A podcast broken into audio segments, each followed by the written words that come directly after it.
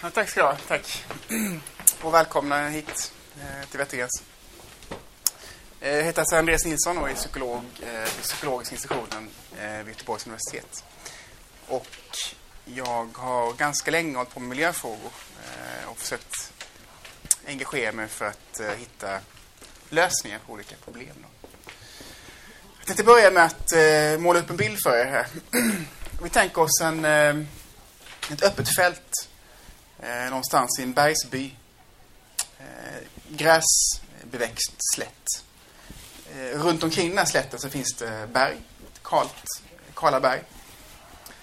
Eh, den här slätten, eh, runt den här slätten så finns det en massa eh, hus, en, en by. Då. Och alla de här eh, som, som lever i den här byn i princip är beroende av eh, fårherde. Att de, de, de eh, har får som går och betar på den här eh, allmänningen. Och eh, det är deras, deras levebröd i den här, den här byn.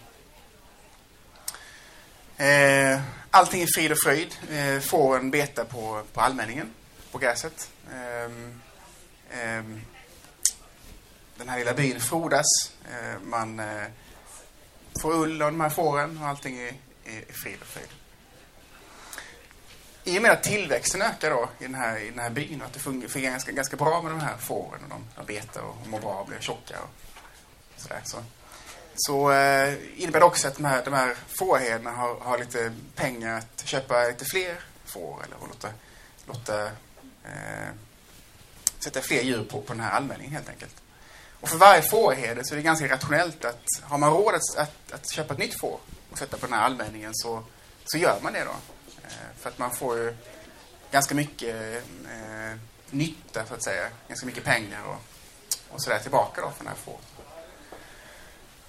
Så som händer är att alla fårherdarna tänker likadant. Att jag borde sätta ett extra får på den här allmänningen, på den här grässlätten. Och, och vad händer då? Jo, eh, det blir fler och fler får. Och till slut så når man en gräns för vad resursen klarar av. Fåren betar hårdare och hårdare. Eh, gräset blir så nerbetat att det blir en sån leråker av allting. Resursen är uttömd, resursen är död. Fåren eh, måste slaktas. Eh, den här bybornas levebröd är, är borta. Vad som händer här då, det är allmänhet, eller allmänningens tragedi, brukar man kalla det. Och vad som skapar det här då, vad brukar man kalla det ett socialt dilemma. Det finns en individuell, individuell rationalitet som gör att jag som person vill, vill ta det mesta ur en resurs själv. Då. Och det finns en kollektiv rationalitet som, som innebär att eh, om man hade tänkt på, att, på det kollektivt bästa så hade man inte satt så många få på, på, på den här resursen. Då. Så individuell eh, rationalitet står mot kollektiv rationalitet. Så om alla tänker på sig själva eh, och maximerar sin egen vinst så skapar man det sämsta resultatet för alla människor till slut. Då. Konsekvenserna blir det sämsta resultatet, även för, för mig som individ. Då. Om alla tänker likadant. Är ni med på vad jag är ute efter där? Om, om, om alla andra tänker kollektivt Eh, så kan jag ju fortsätta och, och ha massor av få på, min, på den här allmänningen. Då. Eh, då, då spelar det som sagt ingen roll. Då kan jag använda min individuella rationalitet och få ut så mycket nytta som möjligt ur den här resursen. Omvänt, eh, om jag är den enda som tänker på att resursen borde, borde leva kvar eh, och ingen annan gör det, alla andra tänker på sig själva och tar så mycket som möjligt av, av resursen, ja, då, då får jag det sämsta resultatet som jag bara kan åstadkomma. Det vill säga att jag får ingen, jag, jag får ingen nytta av, det, av den här allmänningen. Och jag får, in, jag får plus det så får, så får jag då alla negativa konsekvenser som alla andra skapar för mig. Då. Och det är det, det sämsta resultatet jag, jag kan eh, hamna i. Och det brukar man kalla det sucker effect i den här sociala dilemmaforskningen. Då. Det vill säga, jag väljer att inte ta bilen eh, till jobbet. Eh, men alla andra gör det. Jag missar bekvämligheten att ta jobbet till bilen. Men jag får ändå alla andra negativa konsekvenser av andras eh, avgasutsläpp, koldioxidutsläpp och så vidare. Och vad vi människor brukar försöka göra i sådana här situationer är att undvika den här sucker-effekten. Vi kan, vi kan samarbeta, vad vi kallar i den här sociala dilemmaforskningen att man väljer att antingen samarbeta eller hoppa av. Då. Och hoppa av är det här att ta det individuella eh, valet, att, att maximera sin egen vinst. Då. Vad vi människor brukar göra är att när vi är osäkra på vad som gäller, när vi är osäkra på vad de andra kommer göra, då väljer vi ofta att, att, att maximera vår egen vinst, att ta så mycket av någonting. Eh, för att kunna få människor då, som vi psykologer håller på med, nu är inte det här riktigt mitt fält, men jag vill gärna komma ut med den här kunskapen, för jag tycker det är så fascinerande eh, område då. Men vad vi psykologer håller på med då, det är att försöka hitta sätt att få människor att samarbeta, att göra det kollektivt bästa valet. Och inom det här fältet då så gör vi det tillsammans med ekonomer och statsvetare framförallt. Eh, då. Och varför jag ville prata om det här idag, det här med sociala dilemman, det är för att jag vill gärna att man kommer ut med den här kunskapen om att, Eh, att det är precis det här alla miljöproblem i grunden handlar om. Eh, och det är ett gemensamt sätt att, att rama in alla de här, de här eh, miljöproblemen eh, i det här sättet att tänka på att, att, att det individuella står hela tiden mot det kollektivt eh, rationella. Eh, och som sagt, alla miljöproblem kan ses som sociala dilemman.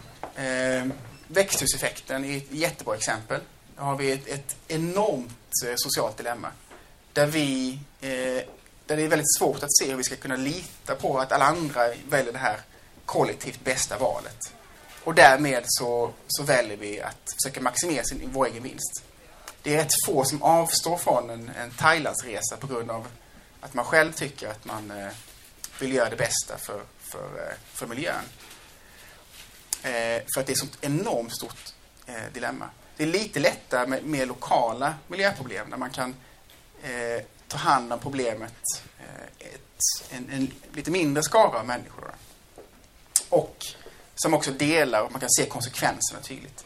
Ju större de här dilemmana är, den här dilemmasituationen, och ju längre fram i framtiden konsekvenserna kommer, desto eh, svårare dilemma-problematik då.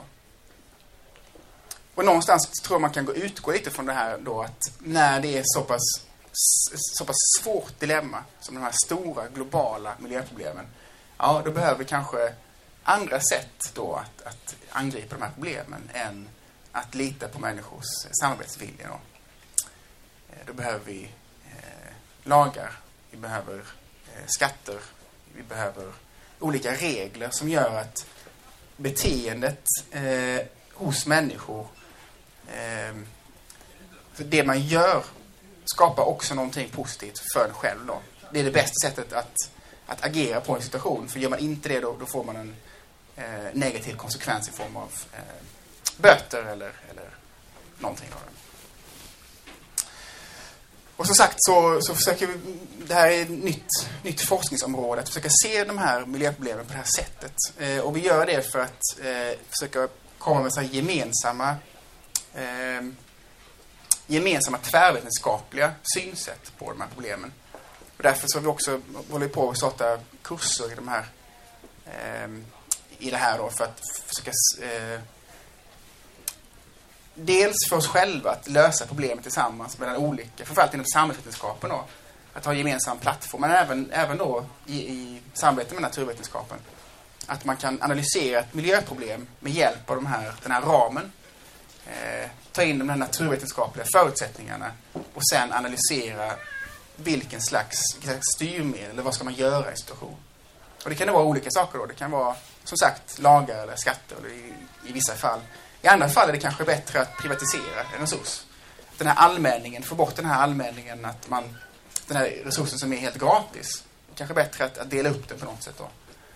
I andra fall så, så kan det vara så att, att det faktiskt är bättre att man låter en, en liten, eh, ett litet, eh, en liten grupp människor själva få, få sköta sin resurs som har fungerat ganska bra i, i, eh, i, historien. Då. Men då kräver det att man har en avgränsad resurs som man kan verkligen dela på och verkligen ha gemensamt ansvar för. Hur mycket tid är kvar? Är det någon som har koll på? Okej. Okay. Ehm,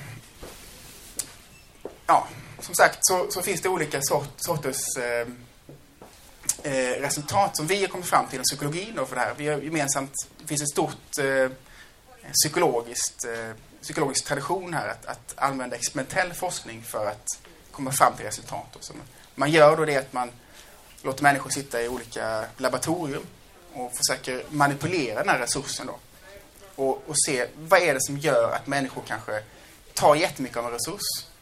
Eh, och varför, vad är det som, som gör att människor kanske avstår lite grann från att ta från en resurs. Och några av resultaten då i sådana här, såna här experiment är att, att ju mer man låter människor kommunicera, prata med varandra om eh, dels bara allmänt, att ju mer man lär känna varandra, desto mer samarbetsvillig, samarbetsvillig blir man då, desto mindre tar man av resurser, ju mer kollektivt tänker man då. En annan sak är ju, ju, alltså, ju större grupp man har, det går det ganska snabbt, ungefär över tio personer så, där, så går det ganska snabbt neråt i att man, man, man tänker mer på sig själv, tar, eh, tar mer själv från en resurs.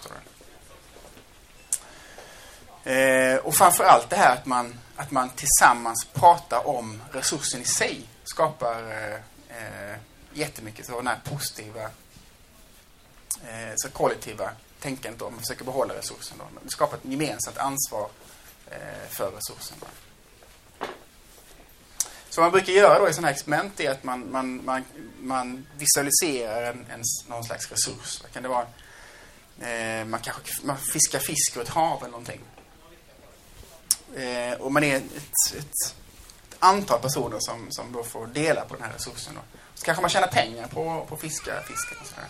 Så kan man då manipulera på olika sätt genom att, genom att eh, som sagt, kanske mm, påverka hur mycket man kan prata med varandra innan eller under experimentet eller sådär. Hur stor gruppen är kan man manipulera.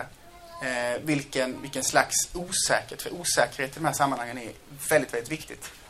Om man är osäker på hur stor resursen är så använder man ofta det som en, eh, som en eh, som ett rättfärdigande för att kunna ta mer från resurserna. Och det är så våra miljöproblem ser ut idag, att vi har en stor osäkerhet om hur, hur eh, hur våra resurser faktiskt ser ut. Fisket är ett jättebra exempel på det då. Att vi inte vet exakt hur stor resursen är och då kan vi an, anser vi oss kunna ta ut mer av resurserna resurs eh, än vi kanske eh, borde göra. Nu är min, eh, min kvart snart slut här. Men, men eh, jag vill bara sammanfatta lite med att säga att, att eh, mycket av den här forskningen eh, jag tror det är väldigt viktigt att, att, ha en gemensam plattform att utgå ifrån inom samhällsvetenskapen för att titta på miljöproblem. Jag tror att det här är en väldigt bra plattform att utgå ifrån. Då, då. Eh, mycket av de här argumenten man känner igen i, i debatten utgår från den här problematiken. Så det, det finns alltid, gör inte jag det så gör någon annan det. Eh, släpper inte vi ut, Kina släpper ut mycket mer eh, koldioxid än vad vi gör, alltså så borde de eh, så spelar det ingen roll. Vi spelar ingen roll vad vi gör för att, i, det, i det stora hela. Då. Och själva kunskapen om, har man visst också genom sådana här försök, själva kunskapen om att det faktiskt är ett socialt dilemma där. Och att det faktiskt är så att om alla tänker likadant, om alla tänker på det kollektivt bästa så kan vi lösa ett problem. Bara den kunskapen gör att människor agerar mer i eh, Eh, mer kollektivt rationellt. rationellt Okej, okay. det var allt jag hade att säga då. Tack.